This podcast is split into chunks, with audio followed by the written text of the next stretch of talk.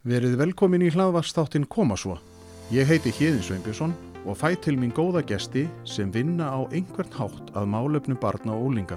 Það er ósk mín að þátturinn Koma svo virki sem pepp fyrir foreldra, fagfólk og aðra sem hafa áhuga á málefninu því eins og við vitum þá þarf heilt þorp til að ala upp einstakling.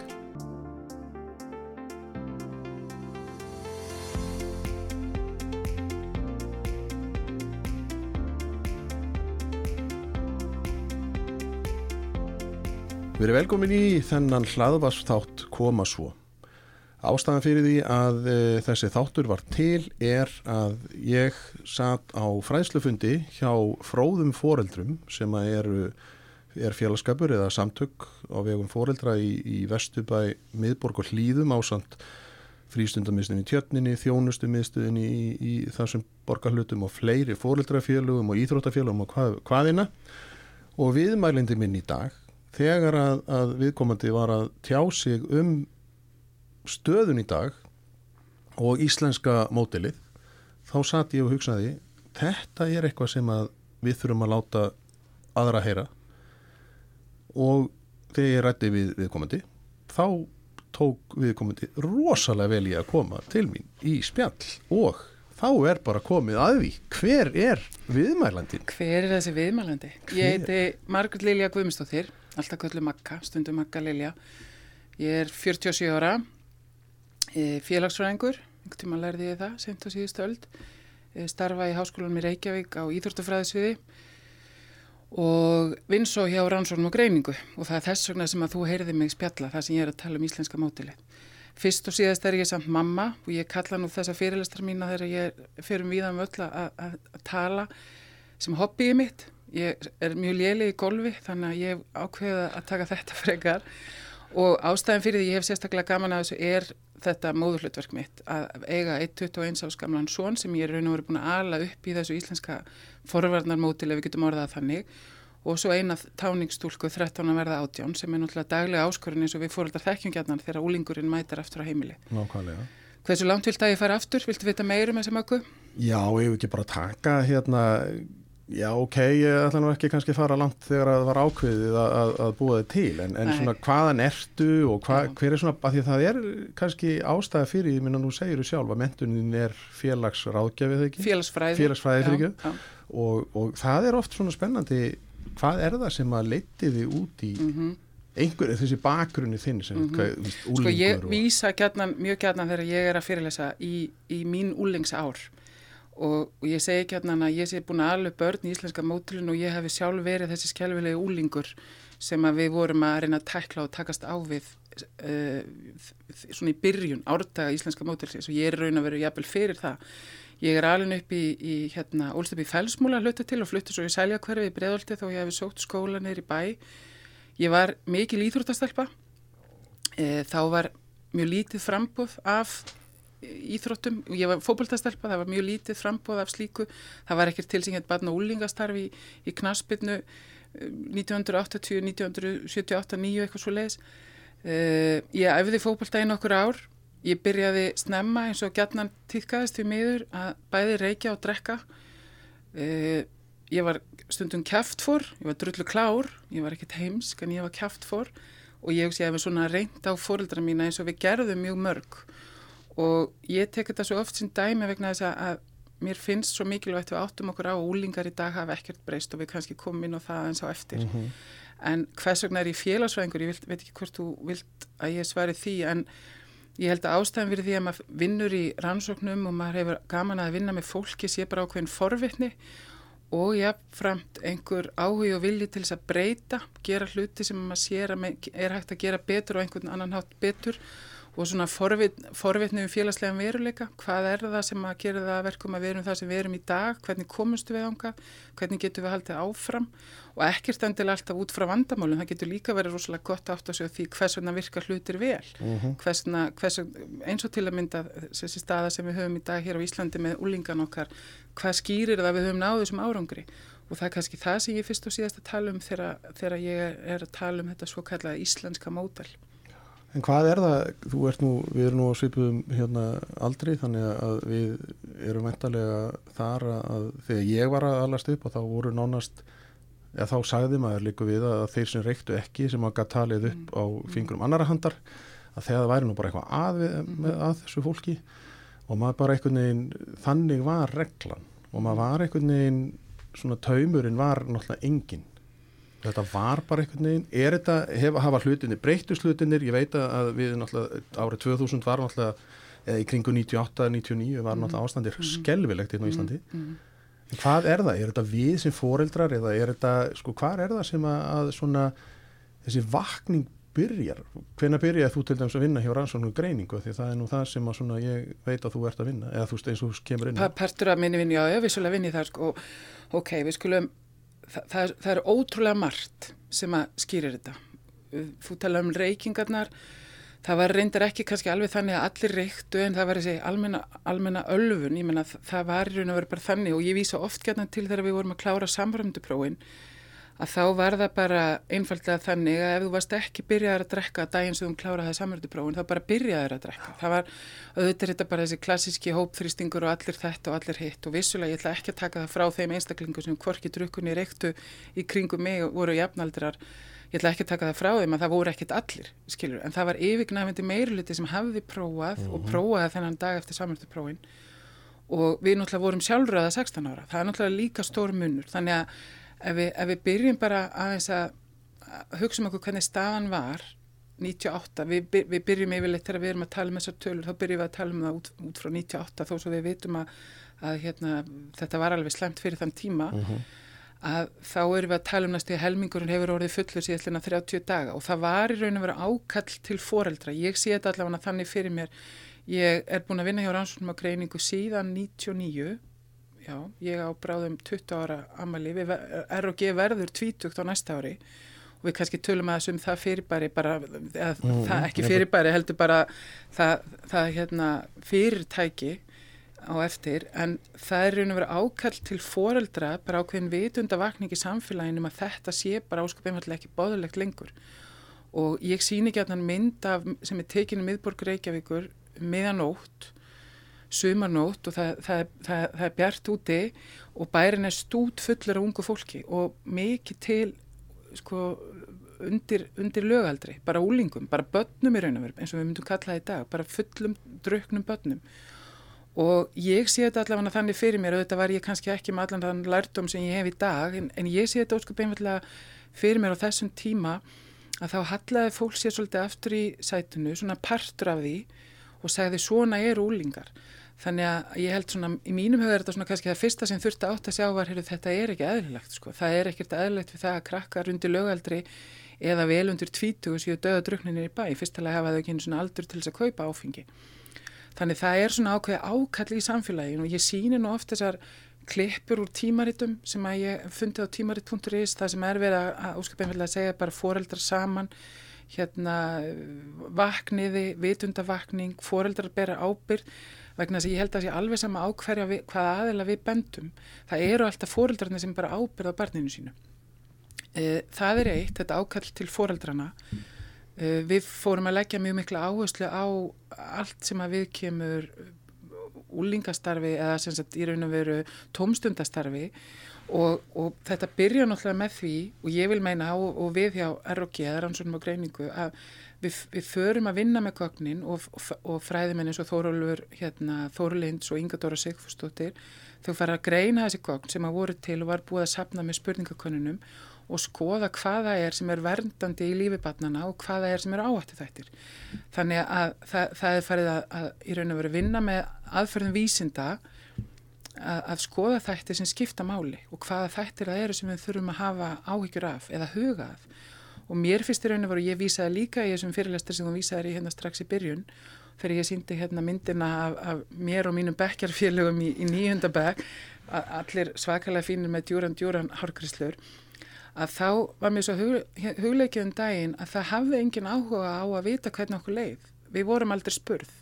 Ég man eftir einni könnun sem ég tók fyrir auðvitað náttúrulega bara samanlutuprófun sko einni, einni svona einhverju spurningakönnum sem ég tók þegar ég var í barnaskóla og það var jóla geturinn umferðaráðs. Það var eina, eina skipti sem að ég svaraði einhverjum spurningum. Við vorum aldrei spurð hvernig okkur liði, hvað við varum að gera í frítíma, hvernig samskiptu okkar væri við foreldrarna eða vinina, hvort við hefum orðið fyrir einhverjum áföllum, hvort við varum að nota výmaefni. Í rauna voru, voru við bara svona einhver hópur sem að, já, ég þurftum bara, það var ekki bara svona, við þurftum bara að klára þetta. Já, þetta var svona tíma Sam, klára. Samfélagi sagði bara, já, veist, uh, er það 13? Já, er, ég tala við þurftum 20? Já, Já, það var... þú þurftum bara að klára Já, þetta var- tímabil.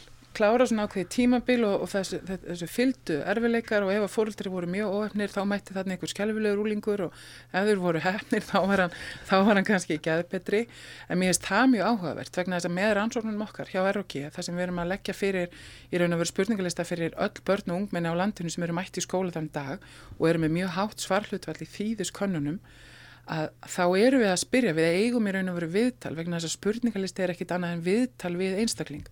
Þó þessi staðla þá er það vissulega viðtal og þessi gögn höfum við síðan notað til þess að þróa og, og nota í raun og veru í allir vinnu og hefur bara verið síðastlinn 20 ár verið niðurstöður frá okkur hafa verið notaður í allir forvarnarvinnu á Íslandi og ekki nómið það heldur eru við að greina þetta niður á nánasta umhverfi. Við vinnum, ef ekki skóla, þá vinnum við í hverfi eins og í borginni, þá erum við með hverfa niðurstöður. Í minni sveitafélagum erum við þá með sveitafélagið heilsinni. Þannig við förum í raun og veru eins nálagt og persónuvendin leifur okkur. Við virðum alltaf persónuvend barnana en við raun og veru skoðum mjög ítarlega hvaða er, hvernig staðan er og hvað má betur fara. Svo höfum við náttúrulega, þannig að halda áfram og við sjáum í þessu íslenska mótili, það kannski alltaf að imbra á því, við sjáum þetta sem skipta máli er náttúrulega foreldrarnir og foröðamenninir og samband barsins við foreldra og foröðamenn, að foreldrarnir þekki börnin sín og þekki vinina og þekki foreldra vini, að, að, hérna, að þau eigi tíma saman og það er líkilatri, þessi samvera, að eiga tíma með börnunum sínum og eiga tíma með foreldrunum, hún þarf alls ekki að vera flókin, svo langt í frá. Langt í frá og eigum að drekklaða tíman af einhverju endalusu prógrami, heldur er þetta oft bara það að gera upp daginn við kvöldverðaborði eða taka skemmtilegan íspíltúr eða hvernig sem það er. Ákveðna reglur að við, við séum að fylgjast með hvar þau eru með hverjum, mm. hvenar þau koma heim og svo framvegis. Jafningahópurinn er líka mjög mikilvægur. Það er oft svona kannski hópur sem við hefum erfiðara með að stjórna vegna þess að við erum jú ekki alltaf með börnunum okkar þegar þau eru með sínum vinum. Þannig við svolítið svona reynum að hafa áhrif á hvar hópurinn er, með hverjum hann er og með því að þekkja foreldrana, þá erum við náttúrulega foreldravina sem sagt, þá erum við líka átt okkur á hvernig, hvernig landslægi þar er og þar eru settar ákveðna reglur.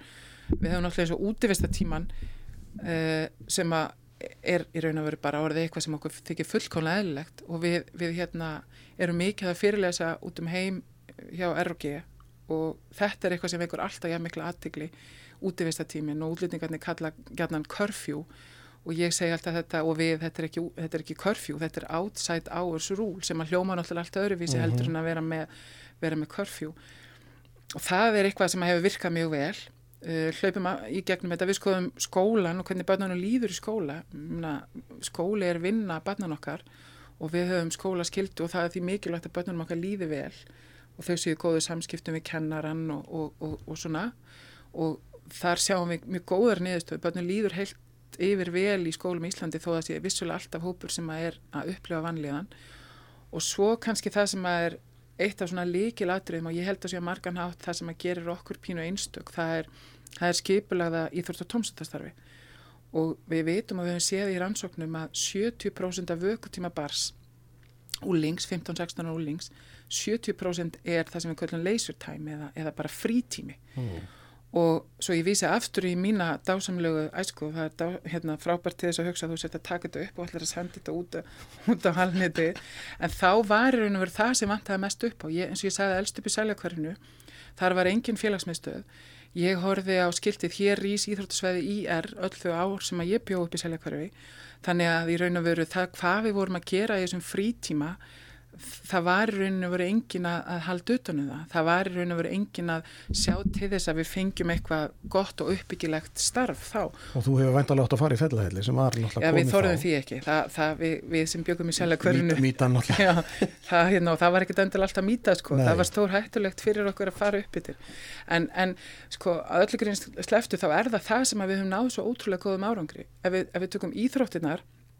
og þetta þekk ég bara mjög vel út af vinnum minn og íþórtafræðis við HR að þá vitum við að þjálfarar á Íslandi alveg neyri áttundaflokk eru yfirleitt mjög vel mentaðir búa yfir þjálfaramentun, jáfnvel íþróttafræðimentun eru íþróttafræðikennarar búa yfir reynslu af íþróttinni sjálfuri og þetta er eitthvað sem þú finnur hverki annars þar er henni veru.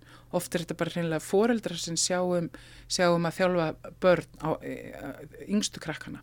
Og svo sjáum við líka í félagsmiðstöðunum að þar fóru við að menta, það sem ég, við, við segjum menta er og veru fólki sem var að vinna með börnunum. Vi, við, við fórum að sjá til þess að, að það fólk sem var að vinna dagstaglega með krokkunum væri með mentun á því sviði. Að það væri ekki bara hver sem er ekki sem geti dóttið inn í það. Og það mikilvægast að öllu er í þessu skipulhaða og hvers vegna við sjáum það í kognunum okkar að það hefur forvarnagildi er að þetta eru mentaðir, fullornir einstaklingar sem haldur tónu starfi og þar er líkillin.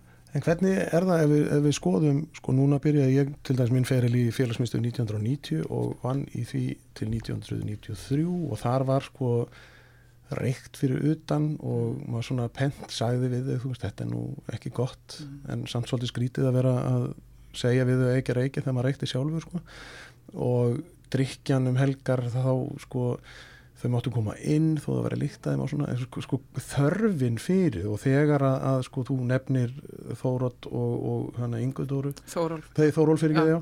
að, að sko þegar að, að kallið kemur því að þú veist eins og ég segi sko 93 þá flytti ég til Danmörkur og þar þótti bara ofur eðlilegt mm. og þykir held ég enn að fermingabatni sé bara að drekka mm. í sín eigin fermingabislu og, og maður er alveg, þá var ég svona ok, það er kannski eitthvað skrítið við mm. þetta samfélag þar sem við leifum svona ungu fólki að drekka. Og, og þess vegna því ég í rauninni misti af þessari umræðu veist, hver, hverjir tóku höndum saman veist, það er eitthvað að hvenar ég til dæmis var spurður á mínum eiginböldnum hafa þessar útívistarreglar alltaf verið? Og ég alveg, já, það ekki? Ég, þú veist nema þá ég að bara hugsa villust mm. var þetta bara lögjafaldið, lögruglan Þetta eru uh, mjög margir óliki hluti sem koma saman.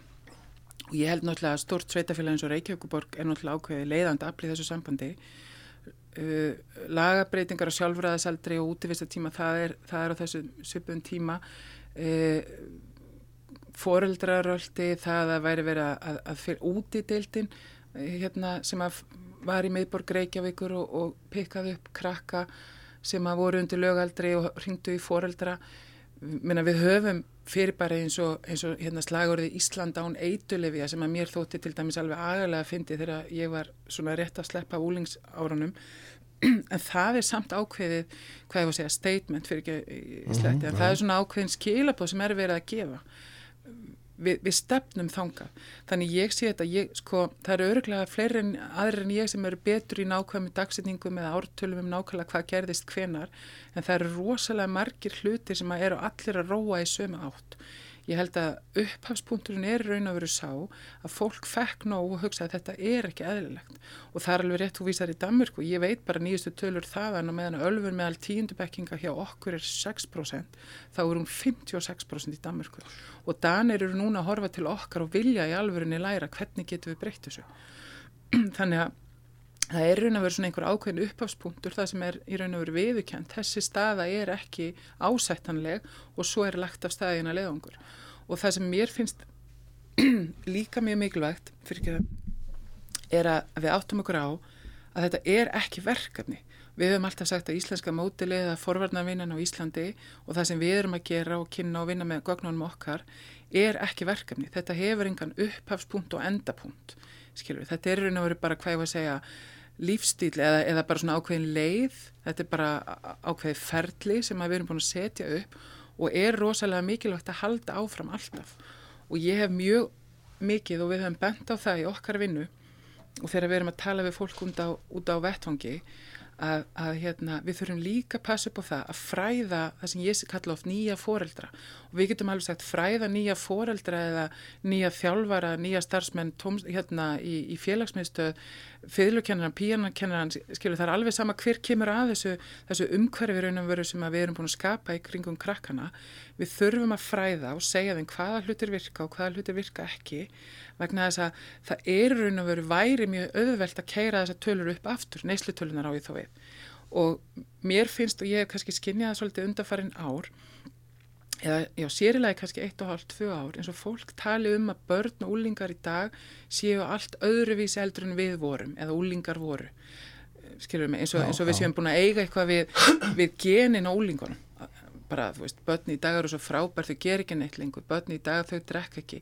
Og meðan við sjáum reyndar svo sögur í fjölmjölum að, að hér sé alltaf farið til anskotans en það er svo mikilvægt vegna þess að úlingurinn er raun og veru ekkert breyttur. Úlingar í dag eru bara eins og úlingar voru hérna áður fyrr Myna, ég á góða vinkonu sem er líkir því að vera úlingur eins og að vera ólittur eins og að vera með batni í maganum, allir hormonir og sveiplunar og allt sem er að gerast og breytast í líkamannum. Og mér finnst þetta frábær samleiking sko, nema meðgangar í nýjum ániði sko, að vera úlingur er kannski 3-5 ár. Og allt þetta sem er að gerjast um og einhvern veginn hvernig þú vilt fara í þess átt en þú mátt það ekki, þú vilt fara í hýna og, og það er veginn það sem við gerum og Íslands samfélag, þegar ég segi við, þá er ég að tala um samfélagi heilsinni, við sköpum algjörlega annað umhverfi í kringum úlingin og það er það sem er breytt. Úlingar í dag virka nákvæmlega eins og við gerðum. Þú veist, ef við finnum mjúkan vegg eða við finnum, heyrðu, hér er engin að fylgjast með mér, þá pröfum við að fara þánga. Þannig að mér finnst það líka ótrúlega mikilvægt við, við svona áttum okkur á því og þess vegna er svo mikilvægt þetta haldi áfram, alltaf. Ég heiti unga móður um daginn sem átti bat sem er sjóra og hún hafði ekki hugmyndum forvarnagildi sem að likur í íþróttastarfi. Það að batnið hana væri að, að, að hérna, stunda íþróttum í íþróttafélagi. Hún vissi að það er ju gott fyrir, þú veist, fýtt félagskapur og verður góður í fókbólta og eitthvað svona en að þetta væri virkilega verndandi þáttur þegar að kæmi að výmöfnanislu, hún hafði aldrei hýrt um það. Og ekkert hugsaði um það? Nei, ég menna, og, og, og mér fannst þetta eitthvað svona því mínum huga og þínum örglega líka, menn þetta er bara common sense, þetta er bara á fólk að vita, mm. en hversun í ósköpunum ætti þessi unga mamma að vita það? Þú veist, hvar á lífslegin ætti hún að vera búin að lesa sér til um þetta, skilur við. Þú fær bara nýtt hlutverk, alveg eins og þegar úlingurinn kemur, þegar hann mætir á heimilið og hann er bara mættur, hormonarnir komnir, að þá er bara ákveðin áskurinn í gangi og þú þarf að í raun og veru fræðast og læra alls konar hluti sem þú vissir ekkert um. En það er náttúrulega líka eins og þú segir sko, þú nefnir sjálf að þú átt tvö börn sem eru hvað 21 og svo 18 ára að þú ert búin að gangi 13 að verða 18 Já, já, já 13 að verða 18 fyrir ekki að, að það, þú ert náttúrulega að díla við sko pluss að þú ert með, varst ekki með strák eldri og stelpu yngri og það er bara challenge í sjálfu sér líka já, og, og svona en, og svo að því þú nefnir líka sko úlingurinn þegar við vorum hvað var? Það var mokkin, sko, maður fekk áfall þegar að, að það var ráðist inn í þú veist, hérna Grenada eða hvað það hétt, hérna Argent, þú veist, og maður las það í mokkanum, sko, mm. -hmm. þú veist, núna í dag þá bara gerist eitthvað, þetta er bara komið mm -hmm. út um allt. Já, er lægi símunni og við vorum alltaf bara áhyggjulus eina sem Já. að jú kannski hafi, sko, það sem að maður er að glýma ennþá við er hræðsla við krabbamein og kaldastriði mm -hmm það er svona fær hjart að teka kipp þegar að vera að ræða um Putin og Trump og þú veist hvað gerir sko. en, en þetta er náttúrulega því þú kemur sjálf inn á það þú veist við vorum bara að hanga. Já, en, en, og við sáum það í, í, í þessari rannsóknarvinnu og það, það, það er það sem fræðimenn sem að vinna úr gögnum rannsóknar greiningar að sjá að þetta óskipulaða háns og foreldralösu partíin sem að við getum nú sérlega að tala um þau í klukktíma hér sem að þóttu bara eðlilega eins og eftir samrönduprófin það er bara mjög mikil áhættu þáttur. Það að vera, sko, það er ekkert að því að láta sér leiðast, það er ekkert að því að slaka og líka upp í sófa og, og gera ekki neitt. En það er, það er þetta þegar skapast þessi stemming í hópnum að hanga og þá, þá mögulega sko fara út í hluti sem þú átt ekki að vera að gera. Já. Þannig að það sem við erum að benda á með, með í raun og veru eða, eða hefur bara sínt sem við erum ekkert að benda á það, við erum búin að vinna eftir þessu í 20 ár að fylla líf barsins af uppbyggilegum og góðum hlutum og tryggja að þú finnir eitthvað sem er við hæfi, eitthvað sem er bóðulegt og þú vilt að batni sér í, þá ertu raun og verið að koma í veg fyrir frávegshæðina. Ég segi oft, sko, ég ætla að taka það fram að bæði börnum mín eru reynd útsagt frábær og stórkoslu og ég held að þau séu það bara margan átt að upplægi þó svo uppeldi skipta náttúrulega alltaf máli, bæði mitt uppeldi og sem, það sem þau hafa fengið í skólakerfinu og íþróttum og tómsundum að, að það er alltaf ákveðin svona, og, og ég hef sagt það við þau og síðast núna við úlingin minn, stelpuna mína nýlega, sko, það er engin ofbáslega hamingjusamið sem leiðist út í výmefnaníslu. Það er engin sem er alveg að frík út af hamingju og segir, herði, ég ætla að pröfa að reykja kannabis. Það er yfirleitt eitthvað að, eitthvað sem að, e, hvort sem það er eitthvað að, eitthvað sem er brotið inn í þér eða eitthvað í umhverfinu þínu, þú ert, þú ert að ná aðtikli eða þú ert að augra, það, það er ekki vegna þess að líf toppi fjálsins af gleði og þá ferir að leiðast út í eitthvað svona og það er það í raun og veru sem er hlutverk okkar, bæði fóröldur forðamenn og okkar sem erum að vinna með börnunum að tryggja að við höfum þetta uppbyggilega í kringum við. Það er náttúrulega þegar þú segir sko munurinn þá og núna að, að maður sko einildi eða hvað þetta var þú veist, þú bara mættir í skólan og þá var bara nonni hann var farin að því að, að hann bara var settur í sveit eða þú veist og þú mhm, bara mhm. og þá var bara áhættu hegðunin tekin í burtu mhm. en núna í dag er það ekkert gert að því að kerfið er náttúrulega bara allt öðruvísi Já. sko um, umhverfið en, en það er alveg rétt ég finnst að mjög áhugaður punktur þar sem við verðum að tala um og þar sem þú talaður um var þetta neta fólki í kringum mm -hmm. að það er ekki, barnið náttúrulega fæðist ekki pottitt Jú, það er pottitt eða með tíu fingur og tíu mm, tær. mm -hmm. svo er allt heitt af því þú, barni þarf að læra að lifa. Já. Við segjum gernan og þetta er náttúrulega gömul svona gömul saga að segja að það þarf þorp til þess að alveg barn og mér finnst, mér finnst það bara alveg ótrúlega falleg setninga því það er akkurat það sem þarf og við þurfum að leggja svo margt inn í líf barsins til það komist áfram sem heil og góður einstaklingur. Auðvitað er það ofta þannig að það gerist eitthvað sem gerir það verkum að barni fer út af þessari blessuðum braut eða meðalvegi eða hvað sem við köllum það. En það er ótrúlega stórt net af fólki í kringum börn og við erum alltaf lítið samfélag. Eh, hvort sem við horfum á landið heilsinni eða, eða einstakar hverfi Reykjavík eða minni sveitafjölög að það er rosalega mikilvægt að við sjöum öll að tala í takt og það er kannski það sem við sáum svolítið gerast í þessari forvarnavinnu sem að fer þá að staði kjölfar þess að það verður svona ákveðin punktur sem er tekin og sagt ok, hingaðu ekki lengra, nú skulum við breyta ekki bara hugafari, heldur breytum hegðan okkar.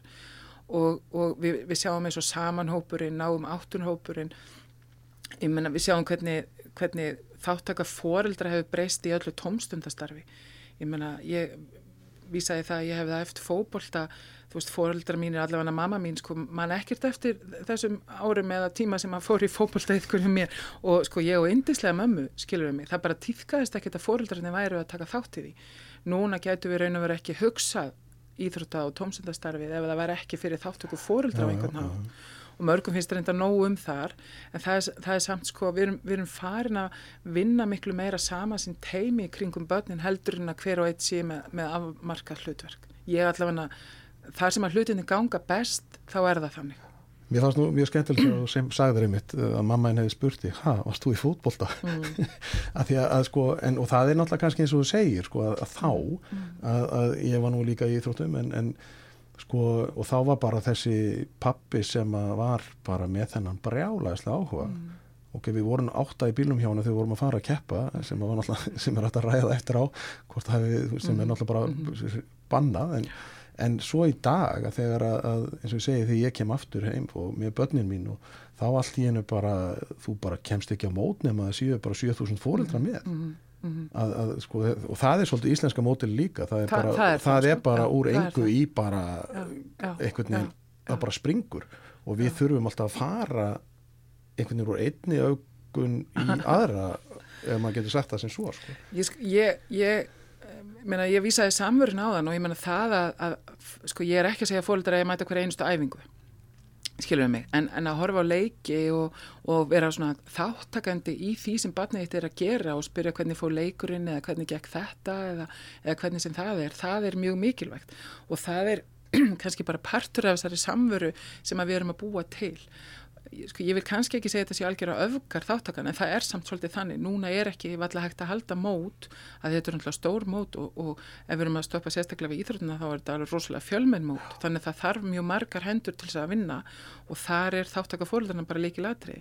Það er líka ákveðin svona, hvað ég var að segja rammi fyrir það starf sem á sér stað og það er svona ákveðin uh, gæða, sko, það, það, það myndi ekki til dæmis ganga upp í dag að einhver þjálfarin ditti í það og væri fullum yfkundum eins og við vitum að var hér alveg fyrir 30 áru. Ég sá þjálfari væri ekkert langlýfur. Svo er eftir móti líka annað sem við þurfum að huga þegar við erum að tala um hérna, tómsættastarfið og, og, og hérna, skipulaða íþrótt og tómsættastarfið að við þurfum líka að tryggja að krakkarnir séu að finna eitthvað sem að þeim líkar og það er kannski það sem við höfum ágjör af núna og við, við þurfum í raun og vera alltaf að vera að passa upp á að börnin okkar sé að finna íþrótt og tómsuttastarfi eða starfi í sínu frítíma sem þau hafa gaman að og, og ég vísa það nú í, í þessu fyrirlestri sem við erum búin að tala, nefn, vísa ég oft að, hérna, að, að tala um þessa, þennan hópa krökkum sem hafa mjög gaman að spila tölvuleiki Mm -hmm. og mér finnst það kannski tölvunar og, og, og netið og samfélagsmiðlanir það er kannski svona svo ég, veit, ég, ég vil ekki eins og kalla þetta ógn en það sem við erum svolítið að standa fram með fyrir núna og ég heyri mjög oft þegar ég er að tala við fórildra fórildra hafa áhyggjur þarna og ég sé fyrir mér og, og bara veit að við erum á leiðinu þanga að krakka sem eru klár og hafa gaman að spila tölvuleiki þau eiga líka að fá að komast á æfingar í, í sínu áhugamáli og verða ennþá betri því vegna þess að við vitum líka að tölfur og tækni er jú framtíðin. Sko, interneti er ekki bóla, það er alveg klárt, við erum búin að blása á þá hugmynd. Þannig að svo vinna öll er mjög áhugaverð. Hvernig getur við passað upp á að krakkarnir okkar eins og margir fóreldrar lýsa og er að hafa ágjur að börnin sé að einangrast inn í einhverjum heimi að spila tölvuleiki á netinu. Þau vissulega eru í félagskap með öðrum, öðrum hérna, vinum sín, öðrum börnum sem eru út um allan heim, heim sko. En við myndum kannski vilja sjá þau hittast meira og eiga svona, eiga stað hvort sem það er íþrótafélaginu eða, eða, eða félagsmiðstöðinu þar sem þau fengju að vera að spila þar sem þau hafa gaman á og vera bara ógislega góðið í og það er nefnilega eitt af, ég veit að, að, að hérna í, í einnig félagsmyndstöð þar sem ég er að vinna, ég er að vinna við frístundumyndstöð í tjörninni, að það er svona komnar að stað hugmyndur um að, að reyna að búa til svona svæði fyrir raf, raf íþróttar. Já, já, og ég menna raf íþróttasamband Íslands var stopnað þegar við, við erum hér fyrir vikuða tveimur, skilur þannig að við erum að sjá við erum í raun og svolítið á eftir þarna sem er nú líka pínu skrítið að því við erum nú yfirleitt á undan af Íslendingar í öllu, við erum svo fljóta að grípa luti en menn það sem við kallum e-sport, það heitir á ennsku bara e-sport, það er bara mjög stórt fyrirbæri viðsværi kringum okkur. Alveg stór yðnaður. og ég sé það líka fyrir mér að, að þá getur krakkarnar farið á æfingu af því það er ekki nóg að bjóða upp opið kvöld einhvers þar, þú þarft að vera svolítið bara... Að vera tílar á hóp. Já, eða, já, já. tílar á hóp og vera að mæta með liðinu og fara á æfingu og þá ertu kannski búin að svolítið að fullnægja þinni þörfi eða búin að fá þína þörfi við dægin eins og, eins og krakkar sem eru íþróttum fá bara þegar þau eru að fara uh, á æfingu að þá er kannski að það ná betur utanum vegna þess að mér finnst svo magnað hvað við virðumst vera svolítið smeg við að takast á við netið og samfélagsmiðlana og tölvuleikjanótkununa og það er ekki hægt að takast, takast á við þetta eða fara að setja einhverja stífa reglur þegar krakkinu hann stálpar og er búin að eigða mjög laungum tíma og jafnvel mörgum árum. Við þurfum að búa til ramman strax og þar finnst mér við fóröldrar með að gera miklu, miklu já, betur. Já, það er svolítið seint að þegar að batnaði dóttir í brunnin að fara að fara allt í hún að setja eitthvað reglur því að ég segi það ekki ef maður náttúrulega, við erum bara verkfærið og maður er fóröldri og við ákveður á stráknum okkar mm. hann er að verða 18 ára mm. og ég fór og svona hleraði og gerði mér eitthvað ástæði til þess að hlusta og Jésús minn, ég fór svo með skottið á milli lappana því hann var sko miklu betur en ég í ennsku mm. hann alveg talaði þarna við einhverja gauðra bara í Ástralíu og mm. Brasi, þú veist, ég veit ekki hvað og ég fór bara til kona mín og sagði bara þetta verður ekkert vandamál og, og, og, og hann er ekki, jú, ég meina en þetta er bara þróunin, þú veist, mm. við verðum náttúrulega líka að treysta því á einhverju tímapunkti að þá, þá mögulega hérna kemur ykkur annað í staðin mm. mm. þetta er sko, þetta er svona við förum öll í gegnum fasa Já, já, það er alveg rétt og, og hérna sko mér hefur fundist og þetta er svona mín persónlega skoðum bara, mér finnast börn og ungmenn í dag miklu klárar heldur en við vorum, eða ég var, skal bara tala fyrir mig Svona, já, mér, mér finnst þau að vera svo meðvituð. Þau eru náttúrulega eins og þú segir myna, þau hafa heiminn í raun og verið höndum sér bara í símánum og þannig að fréttir og það sem er að gerast það byrtist bara live strax um leið. Og þar að leiðandi er í raun og verið það sem er erfiðast fyrir þau er að greina og, og, og vinna úr öllum þessum upplýsingum. Og mér, mér finnst við í raun og verið svolítið rögvið, þetta er heimur sem að við er okkur framandi á marganhátt við vísum ég við höfum hlustað út, sögu í útvarpinu og hört þú veist á sjónvarpið í tímalínu og, og þú veist sjónvarslausir 50 dagar og allt þetta mm veist, mhm. hvernig það var í gamla daga sem getur náttúrulega að drepi börnun okkar úr leðendum en við virðumst vera svolítið hrætt við að stíga þarna inn og búa til ramma og reglur og oft er það þannig að þegar það er komið í óefni þá á að fara að grípa inn í og þá er það bara orðið alltaf seint sko. og við sjáum það í gögnunum okkar hjá RG að það eru alltaf mikið af krökkum sem hafa ekki aldur til sem er að nota alls konar eh, upp eða, eða forrið í, í símana sína. Og það er til dæmis eitt sem við getum bara tryggt að börn hafi bara náða ákveðnum þroska og þá getur þau farið þarna inn. Fólkdara verðast vera mjög ræði við þetta og segja já það er nú margir í þessu. Og, og maður heyrir að börnum sem eru að fá síma nýri 6-7 ára aldur sem hafa bara eiginlega sko, ekkert við að gera. og svo er, svo er kannski tíminn sem er varið í þess að meila sko næstu bara ótakmarkaður og algjörlega rammalauðis, það er engin rammisettur og það er annar fyrirlestur sem við höfum verið með og ég verið að tala um það sem við segjum bara raun og veru rafræðin útífistatími það sem við setjum bara ákveðin ramma og tökum okkur saman í því sambandi. Ég held að það getur verið mjög, mjög sniðugt og það virðist líka vera við fóreldrar erum við erum þannig að við þurfum að vera uh, saman sem hópur. Okkur finnst rosa erfitt að vera stundum leiðilega fóreldrið sumir eiga allavega erfitt með það og þá virkar svo vel að við erum að taka okkur saman hvort sem er vinahópurinn eða bekkurinn eða árgangurinn eða skólinn eða hverfið að við búum til samræm samranda reglur, eftir klukka nýja á kvöldin eða tíu á kvöldin erum við ekki á netinu síminn fer ekki inn í Svefnubergi og þá verður miklu öðveldar eiga við eh, við þessa nótkun alveg eins og við sjáum þegar það kemur út í vistatímanum og þetta held ég að sé mjög mikilvægt og, og ég sé bara, ég er búin að tala um akkurat þessa hlutu og við í raun og veru frá 2016 þar sem við fórum að sjá og tengja eh, vanlíðan sérilega hjá stelpum hvíð og þunglindis enginni, ekki greiningu heldur ákveðin enginni sem við sjáum, sjáum taka alveg stökku upp. Við tengdu það við hérna, samfélagsmiðlana eða samfélagsmiðla nótkun of mikla og svebleysi og upplifa skort. Og þá fórum við að tala um þetta og svo sáum við núna í, í gögnunum okkar 2018 að hvið og þunglindisengjarni hjá stelpunum að vera að fara niður. Þannig við greipum inn í þetta og við erum búin að sjá ótrúlega breytingar en við erum kannski bara síðan ári, síðastu einu og halva ári, þar sem fólki er svona aðeins að fá kjark til þess að stíga þarna inn. Og það held ég sé gott vegna þess að mér finnst í raun að veru hvað við hefum náðu lánt eða hvað við hefum náðu góðum árangri þegar kemur að výmaöfnaforverðnum að þá kunnum við alveg að og við þurfum ekkert alltaf að finna upp hjóli í þessu sambandi.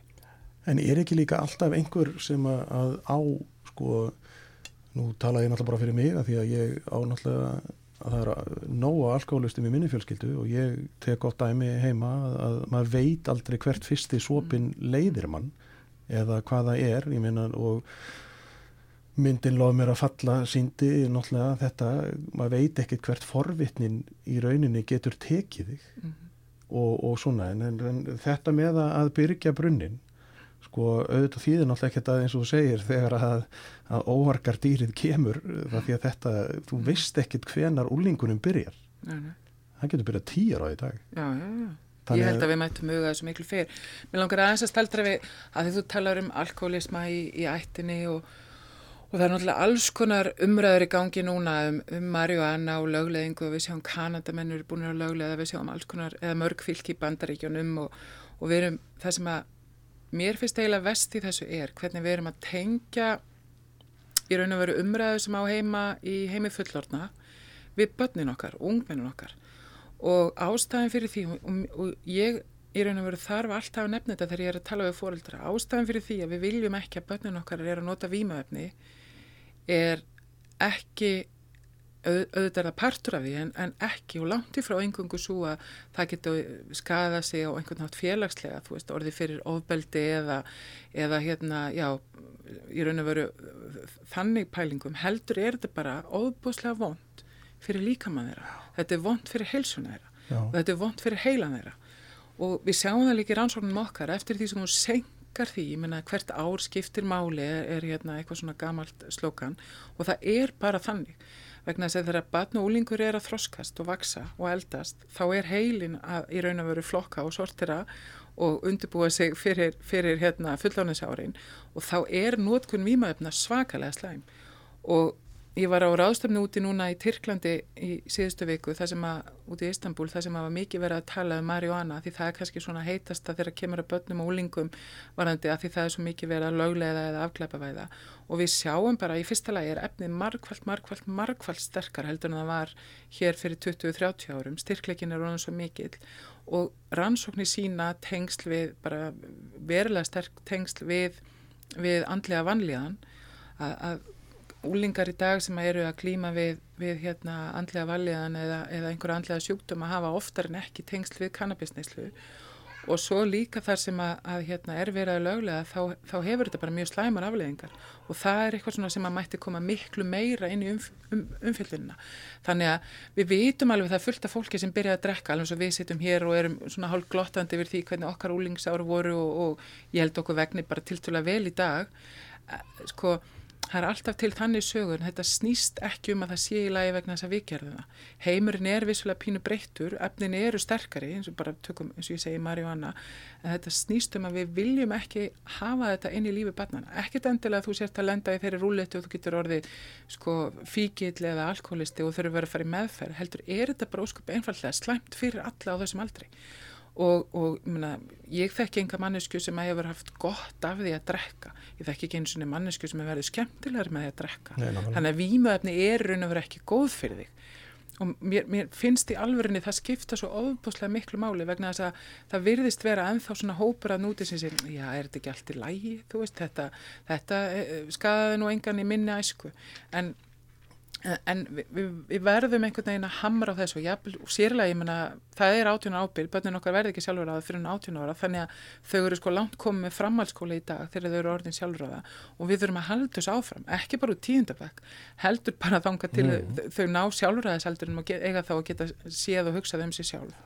Og þetta finnst mér og við sjáum það í gognunum okkar við sjáum að þau hafa breytt hegðan þar neyslan hefur mingað og svo hefur þú vísar í lof mér að falla myndina sem að er náttúrulega bara mynd listaverk sem að lýsir skjálfilegum heimi sem að ásist að hér á landi alveg eins og öllum öðru löndum fyrir meður þá, þá skulum við ekki gleyma því að börni sem að eru, við erum að lýsa í gognunum okkar, við erum með um 85% svarlutvall í, í, í efstumbekkjum grunnskóla og 75% í, í framhalskólanum börnin í myndinni lof mér að falla er raun og veru ekki í gognunum okkar. Þau eru dóttun út, þau eru dóttun út úr skólanum þau eru komin í raun og veru í mjög, mjög svartan heim og mér finnst mjög mikilvægt að við tölum um báða þessa hópa. Við pössum okkur að tala hátt og skýrt um þann hóp sem er í alveglegum málum, sem er í vanlega, sem er í neyslu og bæta úrraðin þar en við verðum líka að passa okkur að tala um þennan yfirgnæfandi meirfluta sem er í mjög góðu málum sem eru bara reykjala flottir krakkar og hafa kosið að nota ekki výmaöfni. Og er það ekki líka að því að þú nefnir áðan töluna 6% núna í 2018 í, mm. að, að krakkar sem eru í tíundabæk að það er 6% og þá, jújú, jú, hjörtu geta alveg bara, þetta er skelvilegt og við þurfum að gera eitthvað en mér finnst þetta er mjög góð punktur að við þurfum að muna líka að þá eru 94% mm -hmm sem að eru ekki sem hafa ekki orðið alveg síðastlega 30 dag já. og eru bara sérst, ekkit í þeim pælingum. Nei, nei.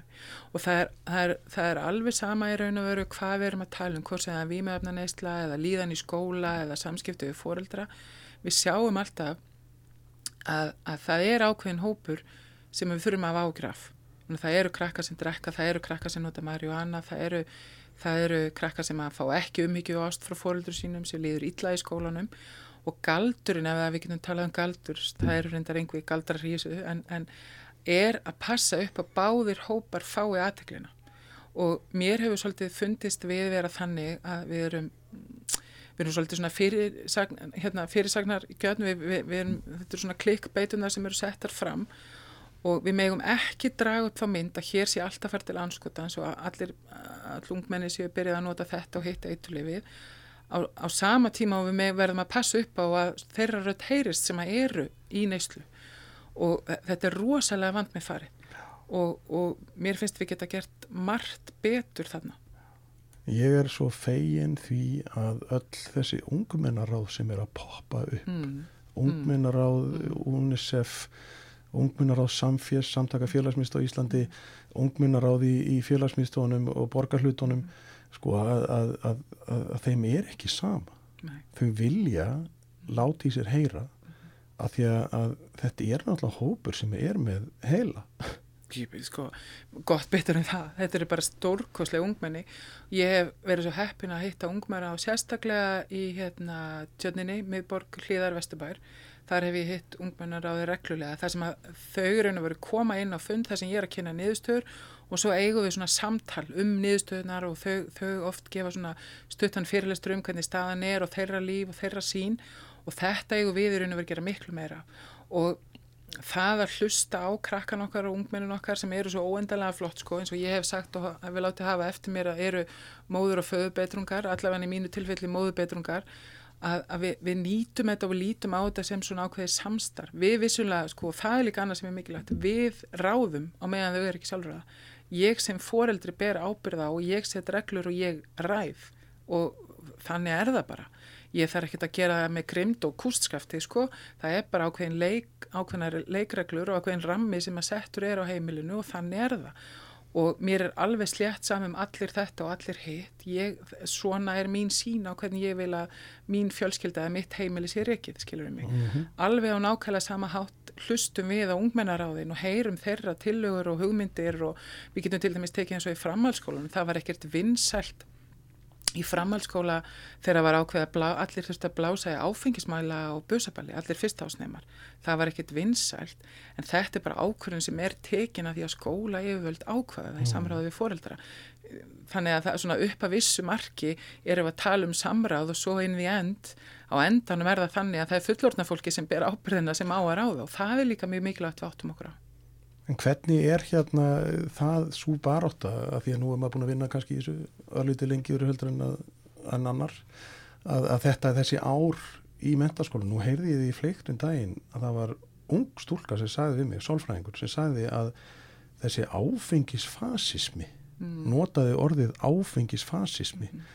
drýfur úlingana eða ungmennin í mentaskóla í kannabis Sko, sko. Veist, þetta er náttúrulega, mér finnst þetta nýfurinn í hjartan á mér, hann alveg sko mm. bara ég vissi ekki hvert ég ætlaði það því mér fannst þetta sko skelvilegt að heyra þetta mm -hmm. af því að, að nóg er maður búin að heyra um já maðurinn í kvításlopnum á YouTube sko hann saði þetta væri í lægi og þá er maður alveg bara, ó vil ég þið nota mm -hmm. það sem ykkur var gefið -hmm. Sko, ég veit ekki hvort að höfum að kalla það áfengisfasisma, þú ert skólastjórnandi í framhaldsskóla og þér ber bara lagalega skilda til þess að tryggja það að börlinn sem eru haldinn í nafni skólaðins séu áfengislaus. Og uh, börn verður ekki sjálfræði fyrir en átján, ég menna tvítu hafa þau leiði til þess að kaupa sér áfengi. Þannig að þetta er nú kannski enginn fasismi, þetta er kannski bara sko beinfaldlega að fylgja eftir landslögum. Uh, ég, ég get sagt þér að við sjáum hlutfall þeirra sem hafa aldrei orðið alveg í framhaldsskóla er 46%. Aldrei orðið alveg um æfina. Við nýjustu gögnu sem ég hef úr framhalskólanum, við erum nú, núna eru sko bara í heiti opninum að koma í, í hérna niðurstöður fljótlega frá 2018. Nýjustu gögnu sem ég hefur síðan 2016. Það eru vissulega tvö ár síðan það er og þá get ég sagt þér að frá milli árana 2013 og 2016 þá lækkaði e, Marjóana Neisla meðal framhalskólanema. Uh, við sjáum ekki þegar það koma einhver svona tískulif eins og, eins og Molly var hérna fyrir einhverjum árum og allir töluðum að allir væri að nota og, og hérna sko foreldrar, fjölmjölamenn og fólk sem vinnum með getur alveg notað þetta orð allir eins og börnin og það fyrst hundum í töðanar á mér og það var langt ifrá. Við mældum þetta vel innan við 10% að hefðu pröfað eitulifið, látum vera einhver meiri neysla.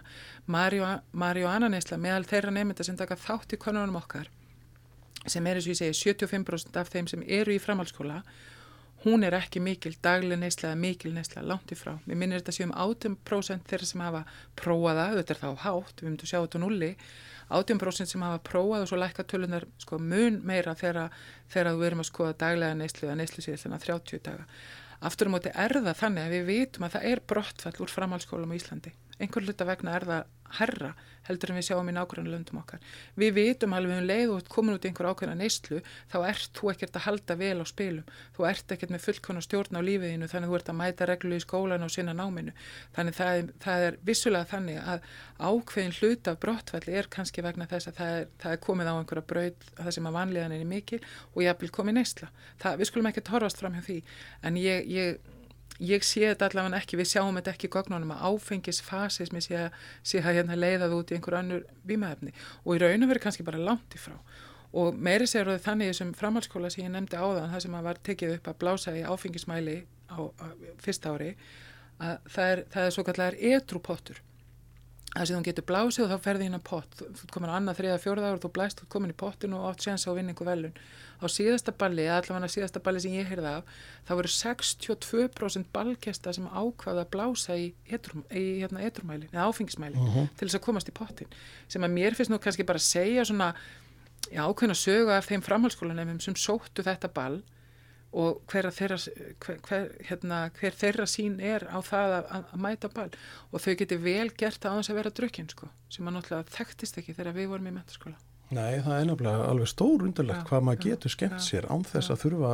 að vera og ég ætla nú ekki að nefna það að þurfa að fara á fótbóltaleik og vera með bjóri í hendinni. Mm -hmm. Það er alveg mhm. eitthvað sem ég hef aldrei skilið. Maður getur nú alveg hegða sér eins og idiot og gargað á dómarum þótt maður sé ekki búin að drekka sko. það er eitthvað, þetta er mjög sérstakt en, en hérna nú erum við búin að fara um víðanvöld og, og hvað hérna hvað er að því við vorum að tala um að það er voðalega, það er óseint að fara að byrja brunni þegar barnið er dottið í það eða dottin í hann frekar að, að hérna hvernig getur við sko tryggt það að samtalið heima sé meira eðlilegt, þú veist þetta sé ekki svona heyrðu, þú ert nú svolítið litt í dag. Það er nú alltaf verið að gera grína mér á mínu heimili fyrir að nota þetta litt alveg sko kálvittlust og, og svona sko að, að, að sko hvenar er samtalið við krakkan og hvenar byrjum við, þú veist að því það er alveg nokkuð ljóst að við byrjum ekki þegar þau eru 14 og er bara, heyrðu,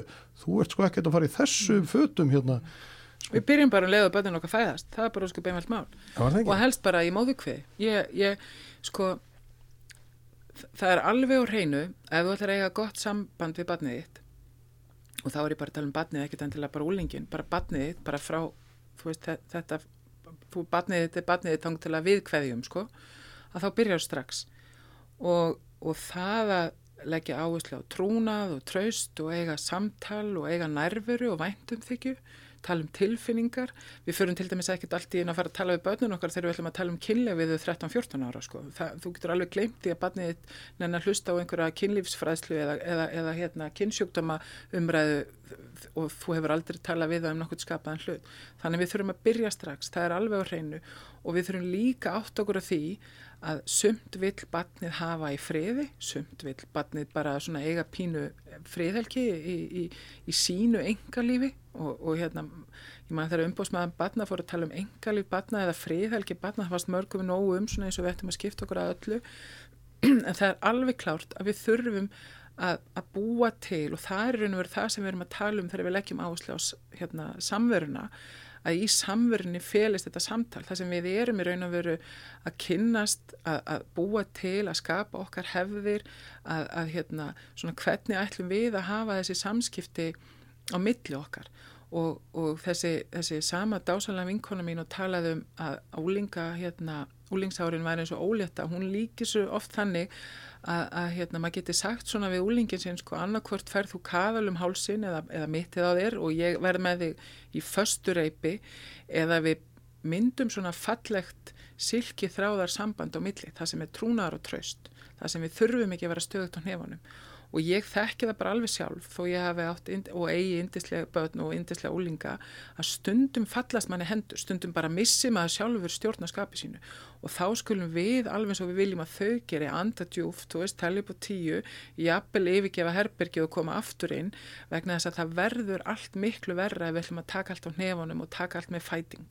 Skilur við mig, þannig að byrjum bara strax og tölum um, og ég segi núna mér, hérna langar svo að koma aftur aðeins inn á samfélagsmiðlana og, og þá pælingu að ég heyri fólkdra og svo oft segja ég kann ekkert á þetta, ég veit ekkert út af hvað Instagram gengur eða Snapchat og, og, og sníka á, á Snap ekki hugmyndum hvort að tala.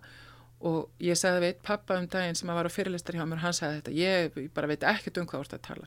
Og ég horfði á hann, stóð upp á svið þannig ég vofði svona yfir manninum. Ég segði bara, býttu áttu ekki úling jújú, já þá bara verður að vita hvað þetta er. Og þannig stilli ég þessu upp. Ef maður á úling í dag sem er á netinu og er með samfélagsmiðla og hefur aldur til þess, bara gott að blessa, þá verðum við að fylgjast með. Við verðum að skoða hva, hvar úlingurinn er, við verðum svona að fylgjast með hverjur eru vininir og, og, og áhrifavaldarnir og allt þetta dæmi vegna þess að þetta er orðið svo svakalega stór partur. Við verðum, ég menna, ef, að batnið spila tölvuleiki, sestu niður með batninu og spilaðu tölvuleik með honum eða henni. Ef að batnið er að fylgjast með einhverju, einhverjum áhrifavaldi á Instagram eða Snapchat, kíktu á hans, skoða hvaða skilabóð viðkomandi er að fá og á sama tíma erum við að búa til fallegt samband á milli. Við erum í raun að vera eiga ákveðið samtal með börnunum og samveru sem er líkið latriði. En hvena getur þið tekið fríðhelgi að því hún efnir umbúsma batna, fríðhelgi engalífsins, það sem kom mér óvart þegar að, að eins og þessir hérna þetta blogg byrjaði, mm -hmm. sem er náttúrulega undanfari mm -hmm. mögulega að, að Facebook og allir þessu, var að þegar að ég las það sem þið skrifuðu og ég sko grafískar lýsingar á þessum, í þessu bloggi hjá þeim var stundu þannig að ég svitnaði og ég satt að segja var í mjög miklum vafa hvað ég ætti að gera reyndi að segja það á góðfúslegan hátt við, eða svona góðan hátt við fórildina hafið þið lesið hérna bloggbannan ykkar? Mm -hmm. þú veist við erum að tala um sko kynlífslýsingar mm. -hmm. og ég veit ekki hvað og drikju og mm. -hmm. allt þetta. Og þá var yfirlega svarið nei, þetta er dábókinn þeirra. Ég, þetta er ekki mikið dábókinn þeirra ef að ég get lesið þetta.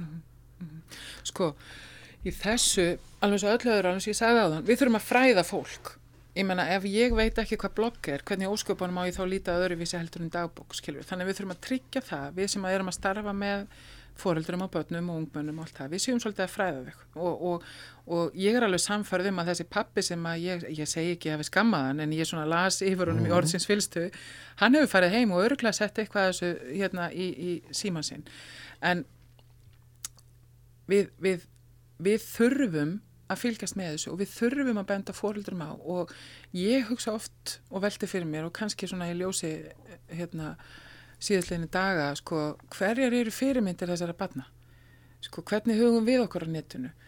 Hvernig, í hvernig samskiptum eigum við við hvort annað í netheimum og hvernig leifum við okkur að tala um fólk og ég er ekki þess að því að börnin okkar kunni ljótar sögur eða noti ljóta orð vegna þess að þau eru að vera bara alast upp í þessu samfélagi. Við þurfum líka að kenna þeim á teknina, við þurfum að kenna þeim á þessa miðla og mér finnst við oft gleima því að teknin er mannana verk. Teknin er ekki bara eitthvað fyrirbæri sem er sendt hérna ofan úr geim og liggur hjá okkur og við verðum bara samþykja og kingja eins og brey. Teknin er sköpuð af okkur og, og þess vegna er svo mikilvægt fyrir okkur að við setjum sniðið með krökkunum okkar sem eru að læra á þetta og við getum lært um leið og kennum þeim hvað virkar og hvað, og hvað virkar ekki, hvað maður segir og hvað maður segir ekki. Og ég skrifaði reyndar ekki dagbóku mínar vinkonugerðar og þær voru læstar onni, onni hérna kassa sem var onni í öðrum kassa og það horði engin á þetta Sumir hafa þess að þörf fyrir að tjá sig og koma skoðunum sínum á framfæri og, og, og fjallum lífsitt bara, ég menna eins og, eins og einhverju gerði í dagbókum. Við þurfum þá bara að segja þeim hvað áhrif það hefur þegar það er farið á netið. Alveg eins og þegar við sjáum myndir af úlingstelpum eða úlingstrákum líka sem er verið að byrtast og okkur finnst þau klæða lítil eða, eða full svona eða full hinsegin að, að við, við séum þá að ræða, þetta, ræða um þetta við þau sko að láta þetta óáreitt skiptir raun og veru e, eða er, er sko kannski það versta sem við getum gert, ekki að hjóla í þau og fara að skamma þau yfir hinn og þessu, heldur tala um þessa hluti. Hvers vegna leifum maður sér að segja þetta og hvers vegna ekki hitt? Og ég hef oft sagt sko þessi úling mynda að bekna mínum og úlingsárunum sem ég hef nú sett og er reynda komin á neti núna fyrst að ég sett hana í þessa fyrirlestra að, að ég þakka oft fyrir að neti var ekki til þegar ég var úlingur mm og ég á í raun og veru mitt að rafræna fótspor byrjar bara þegar tölfur koma fyrst þegar ég er að byrja í háskóla. En börn í dag eiga rafrænt fótspor sem að byrjar oft þegar þau eru í móðukviði vegna þess að fyrsta myndin að þeim sem að fer á neti er sónarmyndin. Og svo er bara jæmt og þjætti gegnum allt þeirra líf. Ég til dæmis sett aldrei myndir af börnunum mín neins staðar á hans að spurja þau um leifi og ég get ekki spurt barnum leifi sem ekki hefur náð aldrei og þroska til þess að taka afstöðu til þess. Skilur um mig, mm. þannig að við erum stöðut í einhverju stampínu keppnið um það hvernig við eigum og hvað við eigum og hvert við ferðumst.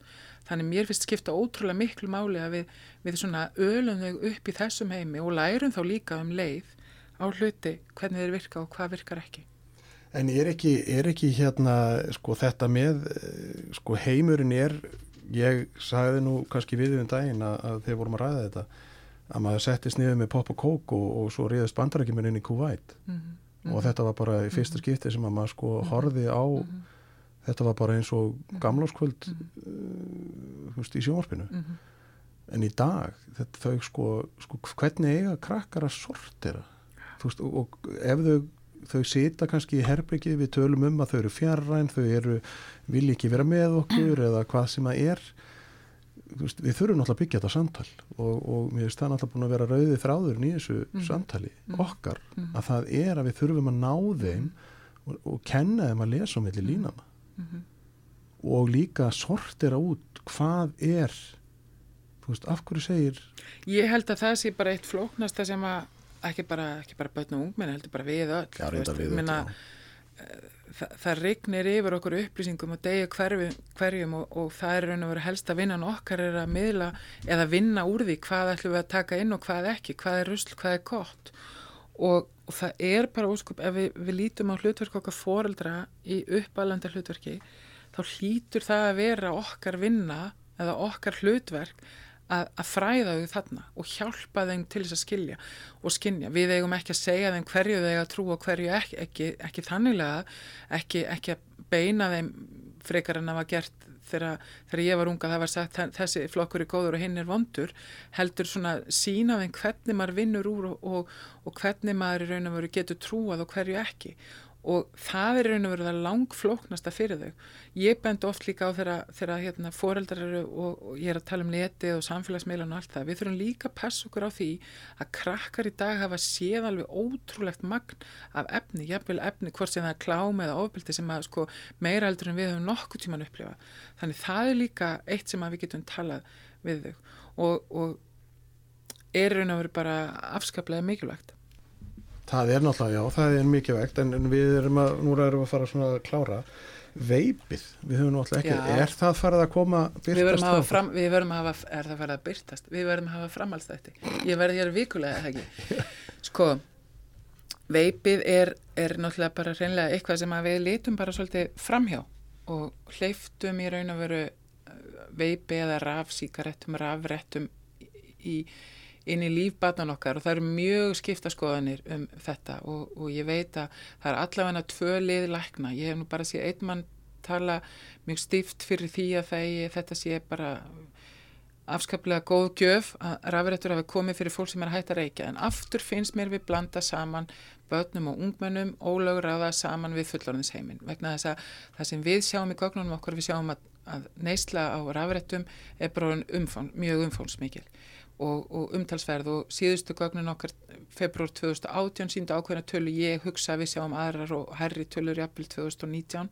þegar við mælum aftur 8. 9. 10. í, í februar það sem við sjáum að mér finnst ágefni er að krakkar sem hafa aldrei reykt síkartur 44% af þeim sem notar rafrættur hafa aldrei prófað að reykja. Þannig að ef við ætlum að líta á rafrættur sem er svona ákveðna leið til þess að hætta tópaksreykingum eða síkarturreykingum þá þurfum við að hafa ágjörða því að þarna sé bara nýr markkópur ég hef líka bent á það og við höfum sagt það þegar við erum að tala um þetta að, að hérna, mjög hátt hlutvall af fyrirtækjunum sem framlegar afrættunar eða veipið eru eigu tópaksfyrirtækja og það er bara sko befinfallega fyrirtæki sem vakna upp á mótnan og hugsa að í dag ætlum ég að vera vondur það, mm. það er mhm. bara, það er grunnurinn þeirra þannig það er eitt sem við þurfum að huga að og við foreldrar, ég vil nú kannski meina að setja þetta fyrst og síðast á okkur þó svo að lögjöfinn og, og lagaraminn og, og hérna eða hérna, við, við þurfum að huga því að þá er svolítið svona eins og við höfum hleyft þessu gegn og við heldum já, já, þetta er nú bara eitthvað sætt og krúllett með jarðabæra bræði og, og þetta er sælt út í sjópu, jafnvel ekki huli, það er til svona töff búðir. Og ég vil bara fyrst og síðast að við, við, við gerum klár skilan á milli batna og úlinga, ólögraða einstaklinga og fullorðinsheimsins og, og, og það, er, það er afskaplega mikilvægt.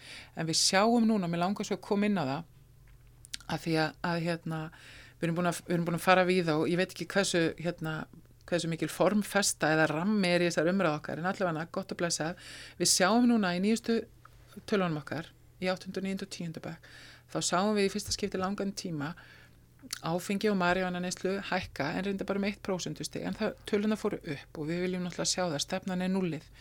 Á sama tíma sjáum við það sem að ég hef kallað og hefur, hérna, við höfum gandast með slaka í félagslegu taumhaldi. Þetta hljómar mjög svona fræðilega en slaki í félagslegu taumhaldi þýðir að við sáum minni samveru með foreldrum minna um það að fóreldrarnir voru að vita hver börnin væru og með hverjum væru. Í raun og veru er þetta enn eitt dæmi um það sem að færa okkur kannski aftur á þann stað sem byrjaði inn upphafi að úlingarnir okkar er ekkert breyttir. Þeir eru nákvæmlega eins og við vorum. Um leið og þeir finna einhvert stað það sem þeir geta farið eða svona aðeins mjúka vekk þá fara þeir aðanga. Það er umhverfi sem við breytum. Ef við slökum í samverunni, ef við slökum á þessu félagslega tömild að vita með hverjum og hver þau eru, þá er raun og veru er ekkert óðurlegt við sjáum tölun að fara ennþá upp. Þannig að rafrættur til dæmis, ef við ætlum að horfa fram hjá þeim og segja, já þetta er nú bara gott fyrir fólk sem er hægt að reykja, eða þetta er miklu betra heldur en tópaksreikingar eins og ég hef heirt hérna, ákveðin lækni eða ákveðin aðeins að tala um, að þá getum við fara að sjá alls konar aðra hluti fara upp. Og það er svo mikilvægt og ég hef gætna sagt að ástæðin fyrir því að við höfum náðu svona langt í íslenskri forvarnavinnu er bara, og það er einhver töfrar í því, alls einhver töfrar. Það er bara vegna þess að við erum að gera hluti sem við vitum að virka og við erum að halda áfram að gera það. Af því við vitum um leið og við förum að sleppa henda við nú þessu, þá sjáum við tölun að fara upp. Ósköp einfallega þannig. Það er bara, þetta voru held ég bara bestu loka orð dagsins og ég vil nú bara segja að þetta samtal okkar, þó að þessu erum búin að fara út í mjög völd, þá er bara gaman og gott og fólk getur spóla fram og tilbaka í þessu að þetta er náttúrulega laðvarp en bara til að segja að þá fyrir ykkur sem er að hlusta að, að þetta búið að vera stórkostlega skemmtilegt að ég reikna með að við næsti þáttur mun vera hérna þar kemur fórstuðumar og félagsmyndstöð ég ætla að fá í heimsókn hérna einn af uh, einn sem er mikið að pæla í svona rafsporti. Nú við bara tökum allt það sem að fóreldrar hafa áhuga á, þetta á að vera þáttur sem er svona pepp fyrir fóreldra, fyrir fagfólkið, nú bara fyrir alla þá sem hafa áhuga. Og mér finnst þetta bara, þess vegna fannst mér svo mikið verðt að fá að byrja með þér Margret Lilja. Og ég vil bara þakka þér kærlega fyrir að hafa bara hafa þetta element í þér og bara, ég, maður er bara hugfangin að hlusta á því. Þetta er eitthvað svona, það er eitthvað það er eitthvað í svona sem að maður verður alveg svona já, gerum þetta. Þannig að ég þakka kærlega fyrir samtalen